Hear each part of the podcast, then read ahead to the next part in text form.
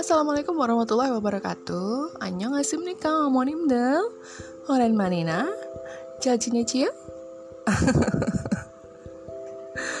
Aduh, Bu Inung nih ngomongin apa ya? Roaming, roaming, roaming gitu kan. Ah, kayak nggak tahu aja. Aku yakin Bu Ibu dan yang sering nonton drakor pasti udah bisa deh ngertiinnya, ya kan? Hmm, maksudnya, nah, Nanen, aku menyapa ibu-ibu. Apa kabar? Udah lama nggak ketemu. Hmm, maaf ya, aku agak sedikit-sedikit ghosting lagi. Tapi aku harap uh, Bu Ibu dalam keadaan sehat. Sehat semuanya dalam artian sehat badan, sehat pikiran, jasmani, rohani, fisik, mental, bahkan hati ya. Ya, apalagi kondisi sekarang di mana-mana berita tentang COVID-19 yang angka penyebarannya terus naik, jumlah pasiennya yang positif COVID juga bertambah terus, sementara kondisi kenyataan di luar sana, di lapangan, di rumah sakit terutama ketersediaan bed untuk pasien COVID itu sangat jauh uh, tidak memadai gitu loh. Sampai akhirnya harus dibikinkan apa uh, field hospital gitu kan. Nah itu uh, prihatin juga ya ngeliatnya gitu. Apakah aku termasuk yang khawatir? Oh tentu tentu. Aku sangat khawatir dalam artian ya aku takut itu menghampiri salah satu anggota keluargaku.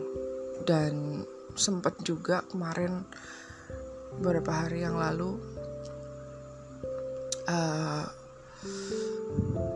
salah satu sepupuku sepupu dekatku di luar kota itu juga mau nggak mau harus menyerah dengan covid. Dia udah. Terlebih dulu ninggalin keluarga kami gitu kan. Itu adalah salah satu pukulan terbesar buat keluarga kami karena kita nggak nyangka bahwa yang terdekat pun juga bisa kena gitu loh. Yang nyedih yang menyedihkan kan karena kita nggak bisa memulasarakan jenazahnya gitu untuk dibawa ke rumah kemudian ya di treatment sebagaimana uh, keluarga memberikan perawatan pada jenazah itu yang bikin sedih kan gitu. Karena kalau udah meninggal karena covid berarti ya dari rumah sakit diurusin sampai rumah sakit langsung dibawa ke makam. Nah ini yang yang kemudian bikin wow aku sendiri oh my god gitu. Sebegitu dekatnya gitu. Yang namanya covid itu sudah apa namanya sudah sudah merongrong ya istilahnya merongrong uh, kehidupan kita sehari-hari gitu. Dan tentu saja aku khawatir karena aku masih punya balita di rumah gitu dua orang. Dan ini hal yang benar-benar harus aku jaga banget gitu kan. Karena uh, dengar di berita untuk varian delta ini juga gampang sekali menular ke anak-anak gitu kan nah ini apakah karena orang-orang itu sudah mulai abai dengan prokes atau bagaimana itu adalah salah satu hal yang masih harus dicari solusinya bersama-sama gitu. Nah, Salah satu solusi yang ditawarkan di seluruh dunia adalah uh, pemberian uh, vaksinasi COVID-19, gitu kan. Bu ibu sudah pada dapat. Mungkin banyak yang belum ya, karena memang dari pemerintah sendiri lebih memprioritaskan vaksinasi COVID-19 itu untuk uh, para lansia, untuk mereka yang berusia di atas 60 tahun gitu. Kenapa sih? Ya karena para lansia ini dianggap memiliki imunitas tubuh yang lebih rendah dibandingkan mereka yang uh, berada di bawah usia 60 tahun gitu. Jadi kalaupun misalnya mereka terpapar dan ternyata mereka punya komorbid gitu kan, penyakit penyerta itu agak susah untuk menanggulanginya gitu ya meskipun sebenarnya uh, si covid ini menyerang paru-paru tapi ternyata ketika seseorang punya komorbid nah organ yang uh, apa yang dinyatakan komorbid itu biasanya akan rusak ikut rusak oleh si virus covid ini gitu nah tapi karena sekarang ini varian Delta mulai uh, merajalela ya, aduh dari mana-mana, dari India katanya, kemudian mulai uh, bertebaran di sana sini gitu ya. Mungkin kalau kelihatan tuh kayak kayak bunga dandelion gitu yang kena angin gitu ya tersebar ke mana-mana terus menclok ke sana ke sini gitu. Nah karena itu kemudian pemerintah sudah mulai uh, menggalakkan vaksinasi untuk orang-orang yang berusia di bawah 60 tahun gitu. Dan of course mendengar ini aku sangat antusias sekali. I'm so anticipating for this gitu loh. Karena apa? Karena uh, ini bakalan jadi salah satu ikhtiar kita gitu ya untuk pertama melindungi diri kita sendiri, yang kedua adalah melindungi orang-orang terdekat kita, terutama kalau aku ya aku uh, anak-anak uh, ya gitu karena aku lebih sering bersinggungan dengan mereka almost 24/7 gitu. Jadi ini adalah salah satu ikhtiar aku gitu. Cuma ya ini karena keterbatasan jumlah dosis gitu kan. Jadi nggak bisa langsung brek semuanya atau secara nasional serentak dalam satu hari itu nggak bisa. Jadi memang uh, pendistribusiannya itu pun juga bertahap gitu. Tapi aku senang banget sih ngelihat antusiasme uh, orang-orang Indonesia gitu kan. Bu ibu juga calon ibu juga yang baru aja merit yang bakalan nanti jadi bu ibu juga itu uh, untuk mendapatkan vaksinasi COVID-19 itu uh, ternyata sangat antusias sekali gitu. Sedih rasanya kalau misalnya dia sudah uh, istilahnya punya privilege lah katakanlah seperti itu untuk mendapatkan vaksin covid tapi ternyata ditolak gitu ya. Nggak nggak ngerti alasannya. Mungkin anti vax lah dia termasuk pem, pem, pemenganut paham anti vaksin atau eh, nggak uh, percaya dengan vaksin ya itu kan urusan masing-masing gitu kan. Tapi kalau aku ya selama ini disediakan and it's free gratis nggak bayar kenapa enggak gitu ya kan? Nggak ada ruginya juga kok gitu kan?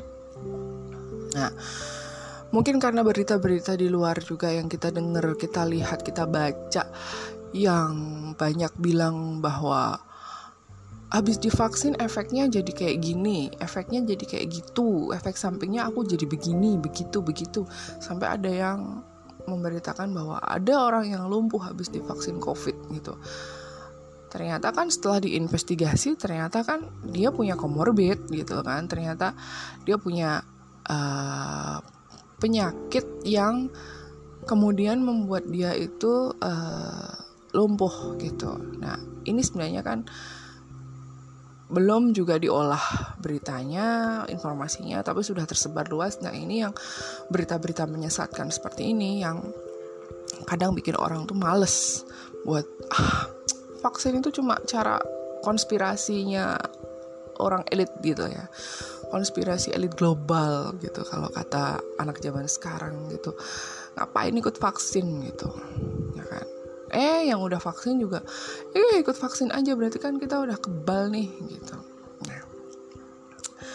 So ibu-ibu hari ini uh, di podcast episode kali ini aku mau uh, ngobrolin soal vaksinasi COVID-19 dari aku sendiri ya. Karena alhamdulillah sekali aku dapat kesempatan. Maybe I can call it as privilege juga.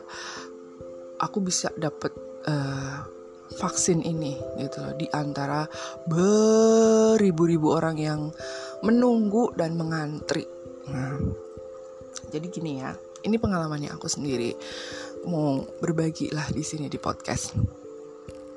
Jadi uh, dua hari yang lalu, hari Selas, dua hari yang lalu, pada sebuah hari, pada sebuah hari, pada suatu hari, hari Selasa, tanggal uh, 29 Juni 2021 jadi ceritanya uh, sekitar pukul 11 siang 11 lebih 10 itu aku tiba-tiba ngedapet uh, WA call gitu kan. Ada WA call masuk. Ada WA call masuk dari salah satu dokter kepala puskesmas di tempat aku tinggal di kecamatan aku tinggal.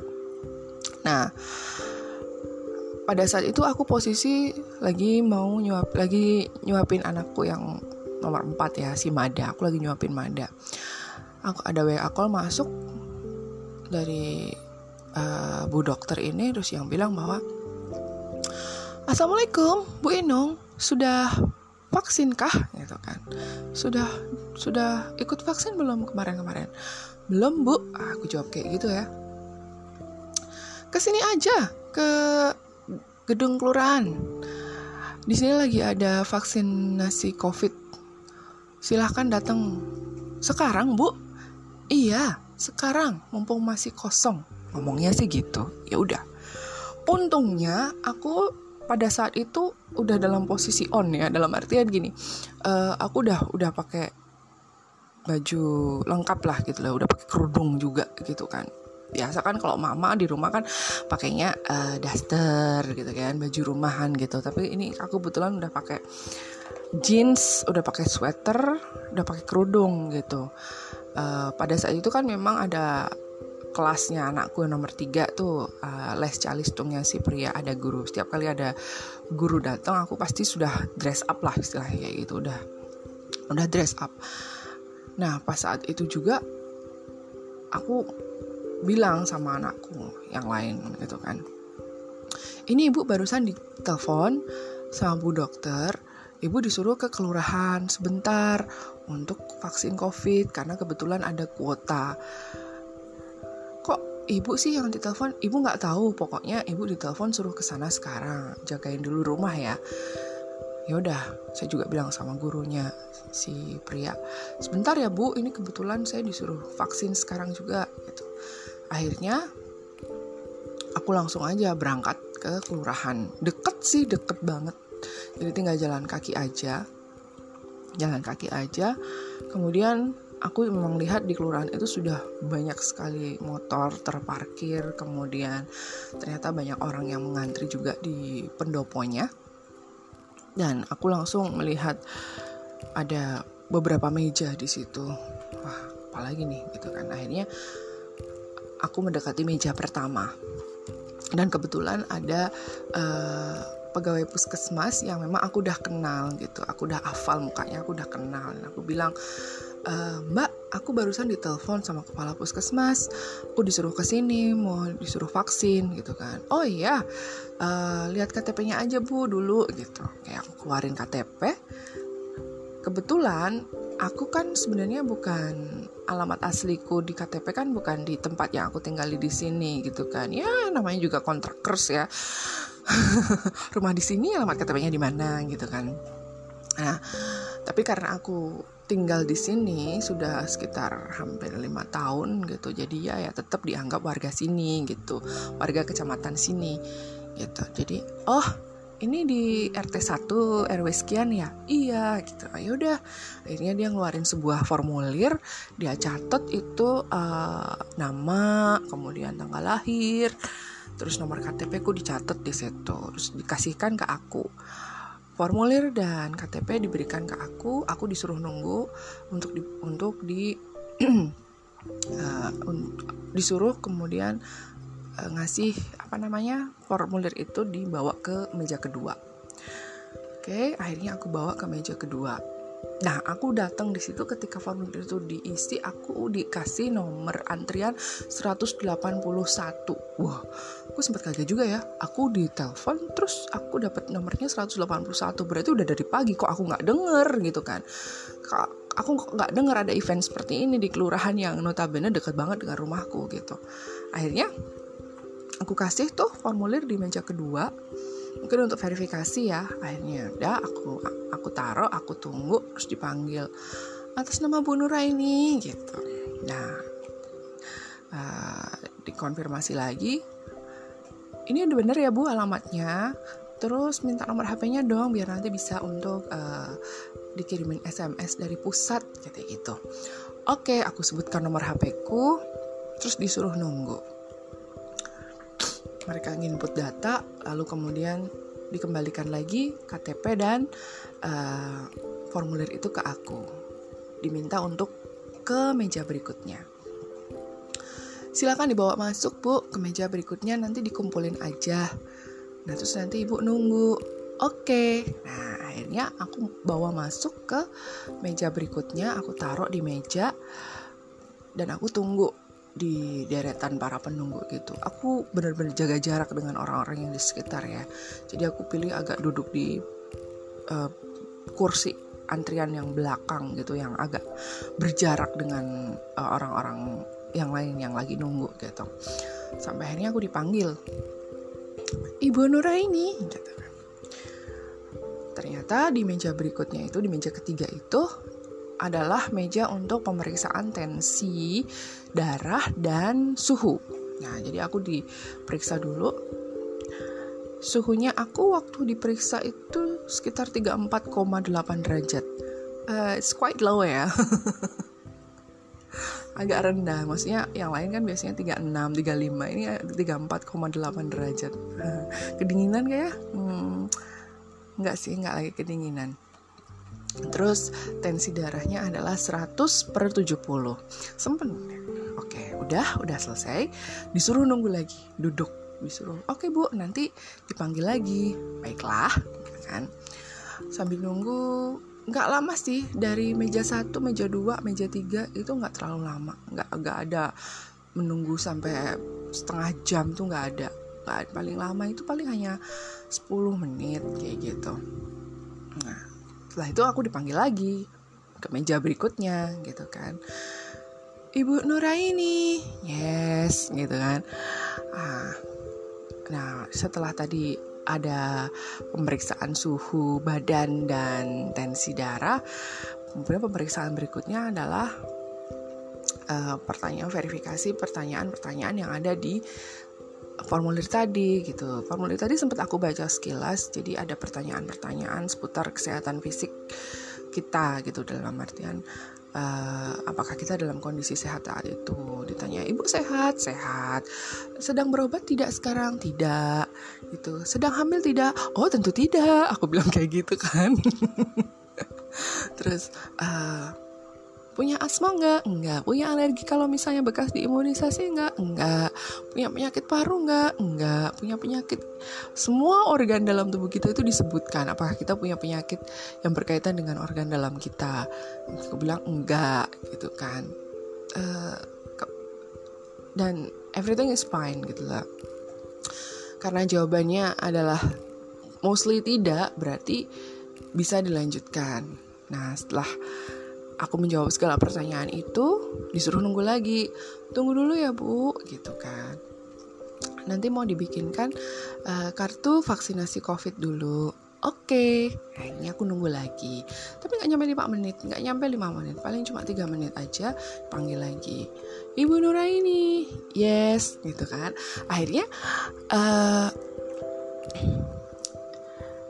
ini saya bikinkan kartu covidnya ya. Kartu covid. Kartu vaksinasi covid ya gitu. Baik kayaknya ditulislah di kartu vaksinasi covid itu. Data-dataku nama alamat nik nomor hp uh, eh, jenis kelamin kayak gitu. Tanggal lahirnya gitu. Nah kalau sudah setelah selesai ditulis di kartu covidnya kartu vaksinasi covidnya mereka bilang bu nanti bentar lagi bakalan dipanggil masuk untuk disuntik. Ini di bawah ya. Baiklah. Nah ini aku nunggu lagi. Tapi itu juga sebentar. Sini bu. Nah ada seorang bapak-bapak dari pegawai puskesmas pun juga mengarahkan gitu kan. Sini bu udah dapat kartu covid kan? Gitu kan. E, bawa sini. Nanti tinggal dipanggil buat disuntik gitu. Nah, jadinya nunggu di kursi antrian di luar bilik suntikannya itu. Nah, setelah, setelah nunggu dua orang setelah sebelum aku akhirnya aku dipanggil ibu Nuraini G gitu kan. Sini bu siapkan lengan kiri gitu kan. Baiklah nah. Akhirnya aku buka ya baju.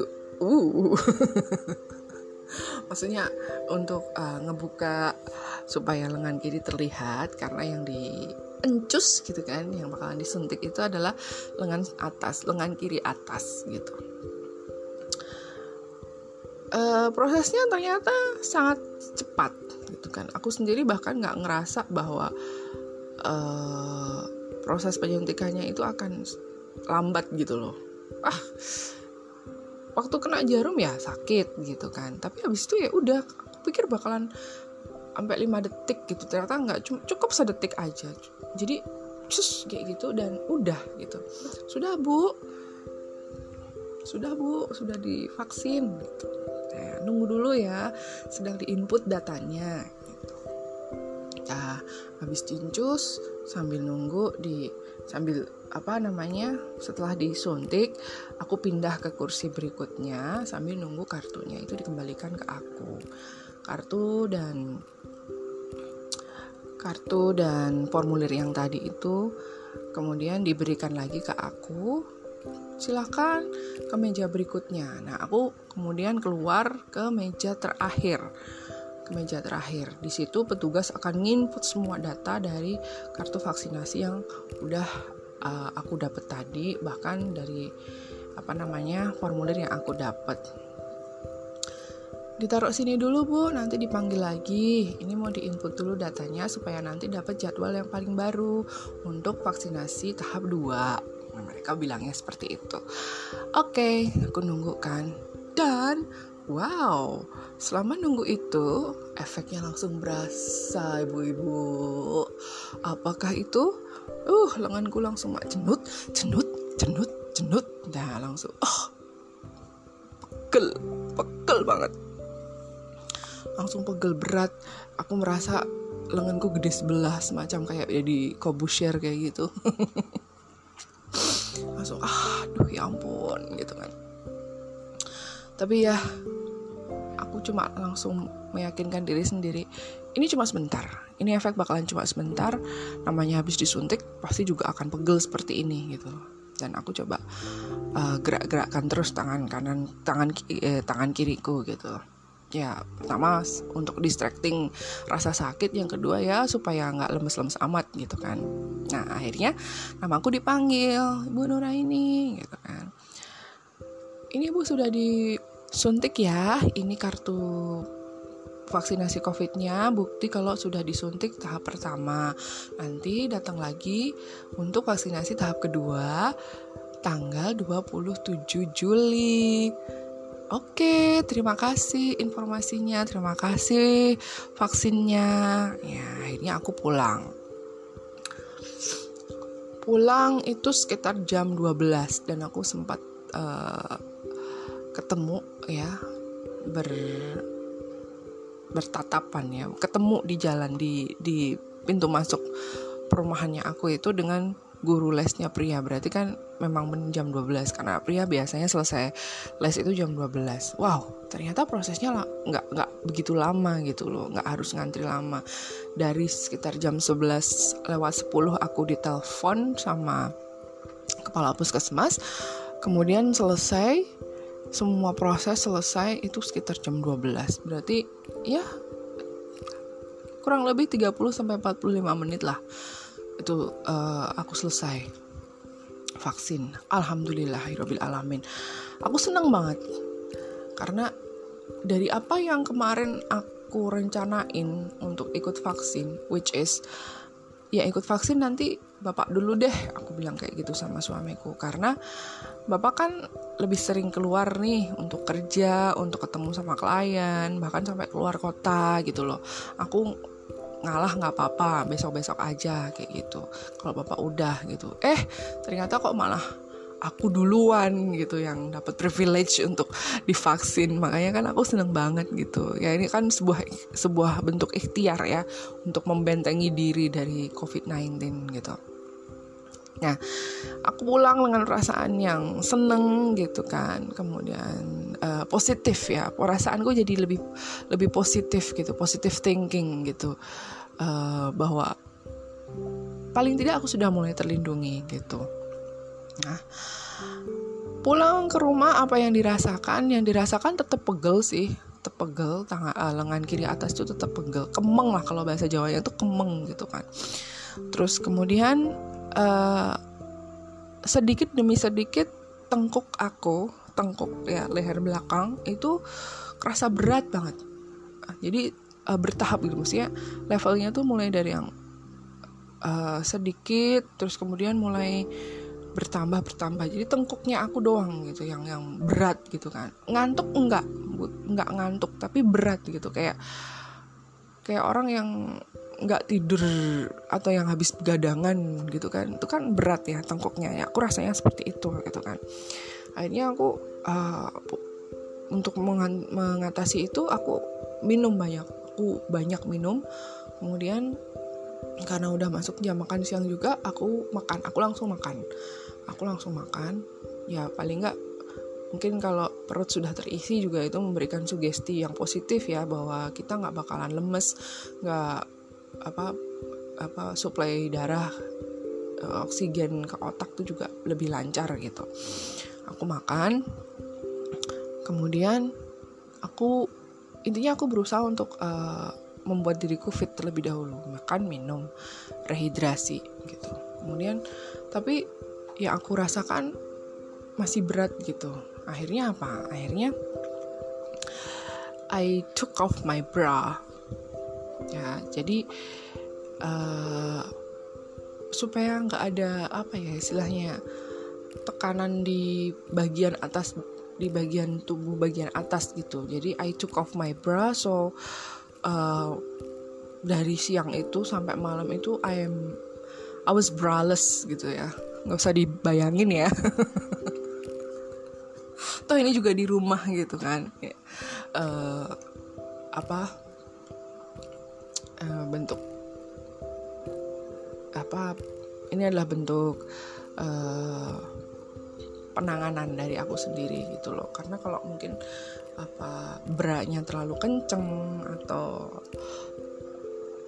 beratnya nggak nyaman itu kan juga bikin kita yang bagian tengkuk yang berat itu kan kayak semakin berat gitu loh. Ada beban yang lebih berat lagi. Makanya I took off my bra and I'm braless since uh, afternoon sampai malam gitu supaya aku lebih merasa nyaman gitu. Nah setelah itu aku istirahat sebentar. Nggak ngantuk sama sekali. Karena kan banyak yang bilang kalau udah dapat uh, habis vaksin itu bawaannya tuh lemas ngantukan gitu. Bahkan bisa pengennya tidur terus gitu. Nah kebetulan aku enggak. Dan aku juga kepikiran dengan setrikaan ya yang udah menumpuk dengan bahagia sekali di pojokan gitu. Akhirnya uh, setelah aku istirahat sebentar ya istirahatnya dalam artian aku duduk nonton TV banyakin minum gitu. Itu salah satu bentuk istirahat kan gitu kan. Sekitar jam 2 kurang lah sekitar setengah duaan itu aku mulai take action untuk uh, nyetrika gitu kan. Jadi biar apa? Ya biar nggak kepikiran aja sampai malam gitu. Terus juga mungkin supaya rasa pegel ini terdistract lah dengan kegiatan yang banyak menggunakan tangan gitu. Karena setelah aku rasa rasa rasain lagi nggak sepegel itu gitu loh. Rasanya tuh nggak sekemeng itu gitu. Ya biasa aja gitu. Masih bisa ngelipat-lipat baju gitu istilahnya lah ya. Dan akhirnya dalam kurun waktu dua jam all of my setrikaan itu done gitu loh. Ya sudah selesai sore itu udah selesai nah selesai nyetrika itu aku ambil waktu untuk langsung mandi. Karena aku takutnya misalnya aku mandinya ke sorean gitu nanti malah jadinya greges atau bagaimana. Karena beberapa uh, orang juga banyak yang cerita bahwa habis divaksin rasanya tuh kayak ngereges meriang kayak gitu. Bahkan ada yang uh, demam kayak gitu gitu kan. Makanya aku I try my best not to make myself suffer because of this vaccine gitu kan. Makanya I'll do my best to make myself convenient with this vaccine gitu. Meskipun pegel-pegel tapi itu masih bisa terdistract dengan kegiatan-kegiatan lain. Dan pegelnya yang nggak sepegel itu gitu loh. Nah, I don't know apakah ini karena aku uh, dapat vaksin Sinovac atau yang kemarin-kemarin diceritain ke sama orang-orang itu sama influencer juga yang aku lihat di uh, story mereka di media sosial itu apakah karena mereka banyak yang dapat vaksin AstraZeneca nah itu aku nggak ngerti apakah memang beda di antara dua uh, merek ini gitu kan. Tapi so far untuk aku sampai sore itu nggak masalah kecuali memang pegel pegel aja gitu. Tapi it doesn't matter for me. Aku masih bisa enjoy gitu loh. Masih bisa enjoy uh, apa melakukan aktivitas gitu dan memang setelah sore setelah mandi itu aku nggak banyak aktivitas lagi gitu kan aku udah masak dari pagi untungnya aku udah masak dari pagi itu udah selesai dari jam 10 setengah 11 tuh udah udah udah udah well done lah semua kerjaan rumah tuh udah well done banget. Jadi ketika dapat callingan itu aku callingan untuk vaksin ya. Kemudian pasca vaksinnya pun kondisi di rumah tuh udah nggak ada yang perlu di dibenah-benahin lagi. Maksudnya aku nggak perlu masak lagi aku nggak perlu beres-beres lagi. Pokoknya udah udah well done semua gitu. Itu semacam kayak tanda ya bakalan ada sesuatu gitu loh. Nah uh, sorenya aku cukup nonton TV ngeteh makan cemilan gitu ya. Nah sampai malam itu nggak ada nggak ada perubahan yang terjadi secara drastis. Maksudnya aku tiba-tiba ngerasa demam lah tiba-tiba ngerasa greges lah itu nggak ada. Nah hanya saja hanya saja sampai malam itu sekitar jam 8 malaman sekitar jam 8 malam itu aku makan terus. Um, beneran jadi kan tadi siang udah makan habis vaksin kan siang selesai vaksin kan siang tuh sekitar jam makan siang aku makan. Habis uh, nyetrika itu aku makan. Nah terus agak malam aku makan lagi sampai pokoknya sampai sekitar jam 8 malam itu total aku udah makan itu lima kali. Cuma anehnya memang memang apa ya uh, aku kayak kerasa nggak lapar tapi juga nggak kenyang gitu loh nggak kenyang banget gitu loh dalam artian kayak biasa aja gitu mau makan nyemil biasa aja gitu uh, apa mungkin ini efeknya ya. Karena ada juga yang bilang bahwa nanti kalau habis divaksin tuh pengennya makan terus gitu kan. Eh ternyata kejadian juga sama aku gitu. Sampai jam 8an malam tuh aku udah makan total lima kali deh. Terus mulai jam 8an itu aku udah mulai ngantuk udah mulai ngantuk. Nah ini apa ini masih jadi misteri juga apakah ini memang pure karena vaksin atau karena sebelumnya aku bangun sekitar jam setengah empat pagi. Nah paginya itu aku bangun sekitar setengah setengah empat pagi. Jadi apakah jam 8 itu aku udah ngantuk karena itu atau pure karena vaksin? Ya aku nggak tahu juga sih itu tapi yang jelas aku udah ngantuk banget. Hanya saja ketika aku sudah mulai tidur aku inget banget kok soalnya uh, baru sekitar mungkin satu jaman lah jam 9 itu aku denger anak-anak tuh kan masih belum belum tidur kan. Yang gede yang si Akdi sama Fahmi itu belum tidur kan. Masih ribet aja di dapur apa bikin apalah kayak gitu. Akhirnya kan aku dipanggil bu bu gitu ya. Bangun. Aku dengan mudah tuh bangun gitu loh. Nggak yang uh, lemes lemes apa pegel apa enggak tapi dengan mudah itu bangun bangun dari tempat tidur bangun. Ada apa gitu? Dan aku ngerespon mereka itu dengan baik. Setelah urusan dengan anak anak-anak selesai aku pun juga balik lagi tidur itu dengan mudah gitu jadi uh, bangun gampang bangun tapi gampang tidur juga gitu kan. Dan malam itu gitu ya malam pasca vaksin itu aku gampang banget bangun uh, sekitar sampai dua kali atau tiga kali gitu kan. Aku ingatnya itu pokoknya aku masuk kamar mulai tiduran mulai tidur sekitar jam 8 malam. Terus aku dengar anak-anak itu ribut berisik itu sekitar jam 9 aku bangun aku tidur lagi. Habis itu sekitar jam 12 aku bangun lagi uh, sekitar jam 10 deh. 10 itu aku bangun lagi karena aku ngerasa kedinginan. Ini sempat aku curiga juga jangan-jangan karena vaksin nih aku mulai ngereges. Ternyata enggak. Ternyata karena kipas angin di kamarku itu terlalu kenceng dan aku nggak pakai selimut waktu pertama tidur. Akhirnya aku selimutan and it's fine. Sampai akhirnya aku ngerasa gerah sendiri dan aku bangun lagi itu sekitar jam 12 malam aku ke kamar mandi juga untuk uh, buang air kecil. Terus aku tidur lagi dan tidur lagi bangun lagi sekitar jam hmm, 3 atau jam setengah 4 juga lah jam 4 gitu. Itu aku baru baru bangun. Jadi mungkin ada kali ya semalaman itu aku bangun tiga kali atau empat kali.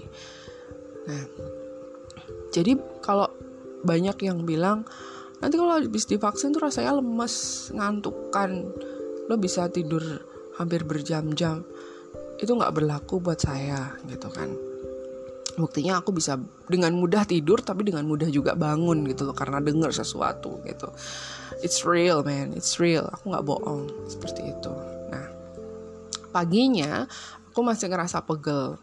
Tapi um, level level pegelnya level kemengnya itu udah udah berkurang. Nggak seperti pas hari pertama pasca disuntik vaksin. Levelnya udah berkurang jauh berkurang. Dan aku alhamdulillah bisa nyelesain pekerjaan pagiku ya. Kayak nyuci baju nyuci piring terus nyiapin sarapan untuk anak-anak. Itu aku aku bisa gitu kan. Aku bisa semua dengan easy dengan ya seperti biasa aja lah gitu. Nah. Kemudian and the rest of the day bagaimana? Apakah juga masih pegel? Oh iya sampai sekarang aku nge-record post podcast ini itu masih pegel. Tapi level level peg level pegel level pegelnya itu udah jauh jauh jauh berkurang gitu kan. Udah nggak kerasa banget banget deh gitu nggak ngeganggu aktivitas sama sekali alhamdulillahirobbil alamin nah so buat bu ibu uh, mungkin sebelum nantinya dapat giliran untuk divaksin, make sure dulu deh kondisi kita itu dalam keadaan yang sangat baik gitu. Dalam artian kita tahu kondisi kita tidak sedang sakit, tidak sedang berobat ya meskipun hanya uh, minum obat flu atau minum obat batuk kayak gitu. Itu make sure you are in a in a well condition gitu. Kemudian nggak lagi demam, dan gak lagi banyak pikiran juga sebaiknya itu juga jadi satu catatan ya gitu karena itu akan menentukan nanti uh, ngaruhnya ke tubuh kita tuh seperti apa gitu.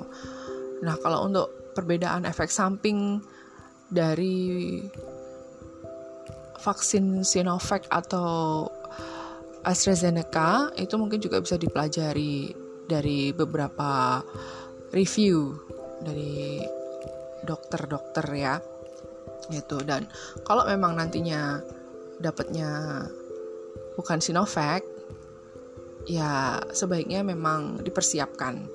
Dalam artian uh, siap mental dulu kemudian uh, fisiknya juga gitu kan. Kalau memang akhirnya jadi lemes atau apa sebaiknya segera hubungi orang-orang terdekat. Dalam artian kalau nggak bisa ngelakuin ini itu di rumah ya sudah tinggalin aja. Minta bantuan uh, keluarga.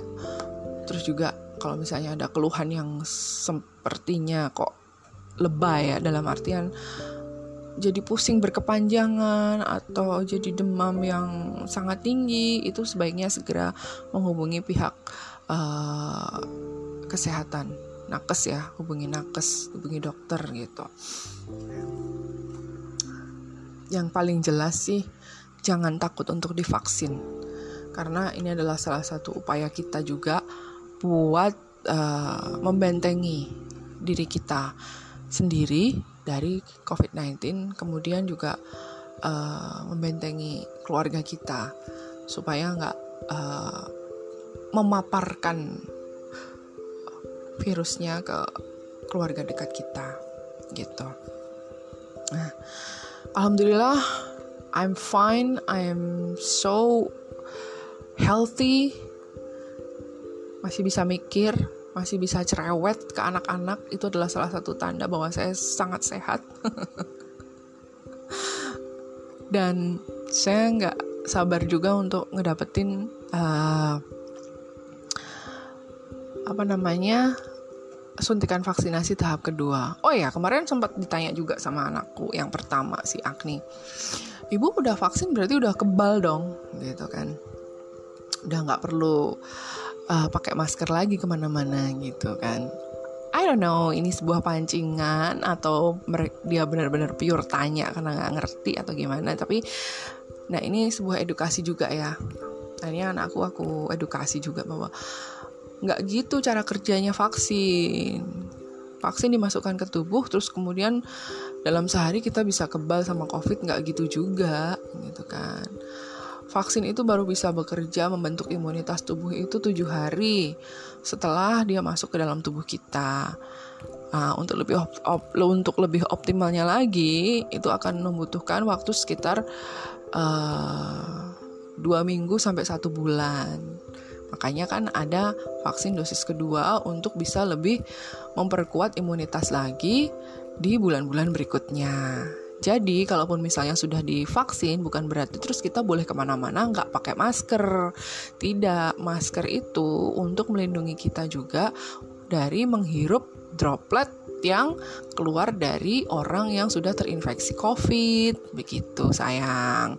Dan apalagi kalau misalnya varian Delta ini lebih cepat menular karena uh, partikelnya itu ternyata lebih kecil sehingga gampang uh, menclok ke mana-mana begitu. Dan karena ini uh, penularannya lewat udara, lewat uh, udara yang kita hirup, jadi otomatis kita harus tetap menggunakan masker untuk menutup area hidung dan juga mulut supaya tidak gampang terhirup dan tidak mudah masuk ke paru-paru kita gitu. Jadi aku sedikit mengedukasi juga ke uh, anakku gitu.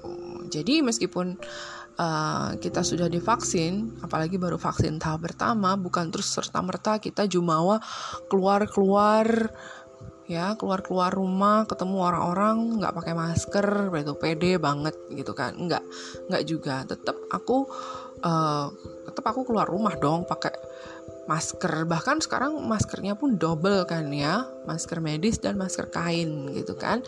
Nah ini aku tetap lebih kenceng lagi. Meskipun aku sudah divaksin justru aku lebih kenceng lagi untuk melakukan prokes gitu Nah, jadi jangan sampai salah ya Bu Ibu.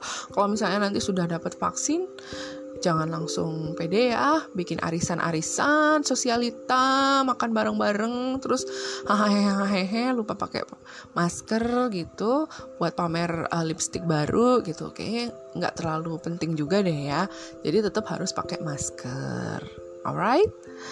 Gitu ibu-ibu cerita aku tentang vaksinasi COVID-19 Semoga bisa menginspirasi dan semoga juga bisa uh, membuat kita pede ya Untuk kemudian nanti mendapatkan giliran suntikan vaksinasi COVID-19 Ingat ini untuk kesehatan kita semua ya. Jadi jangan sampai ditolak kalau nanti ada undangan nih surat cinta untuk bu ibu buat datang ke tempat vaksinasi COVID-19 right? Thank you for listening. I'll be back soon with more episodes on podcast Bu Ibu. Bye bye.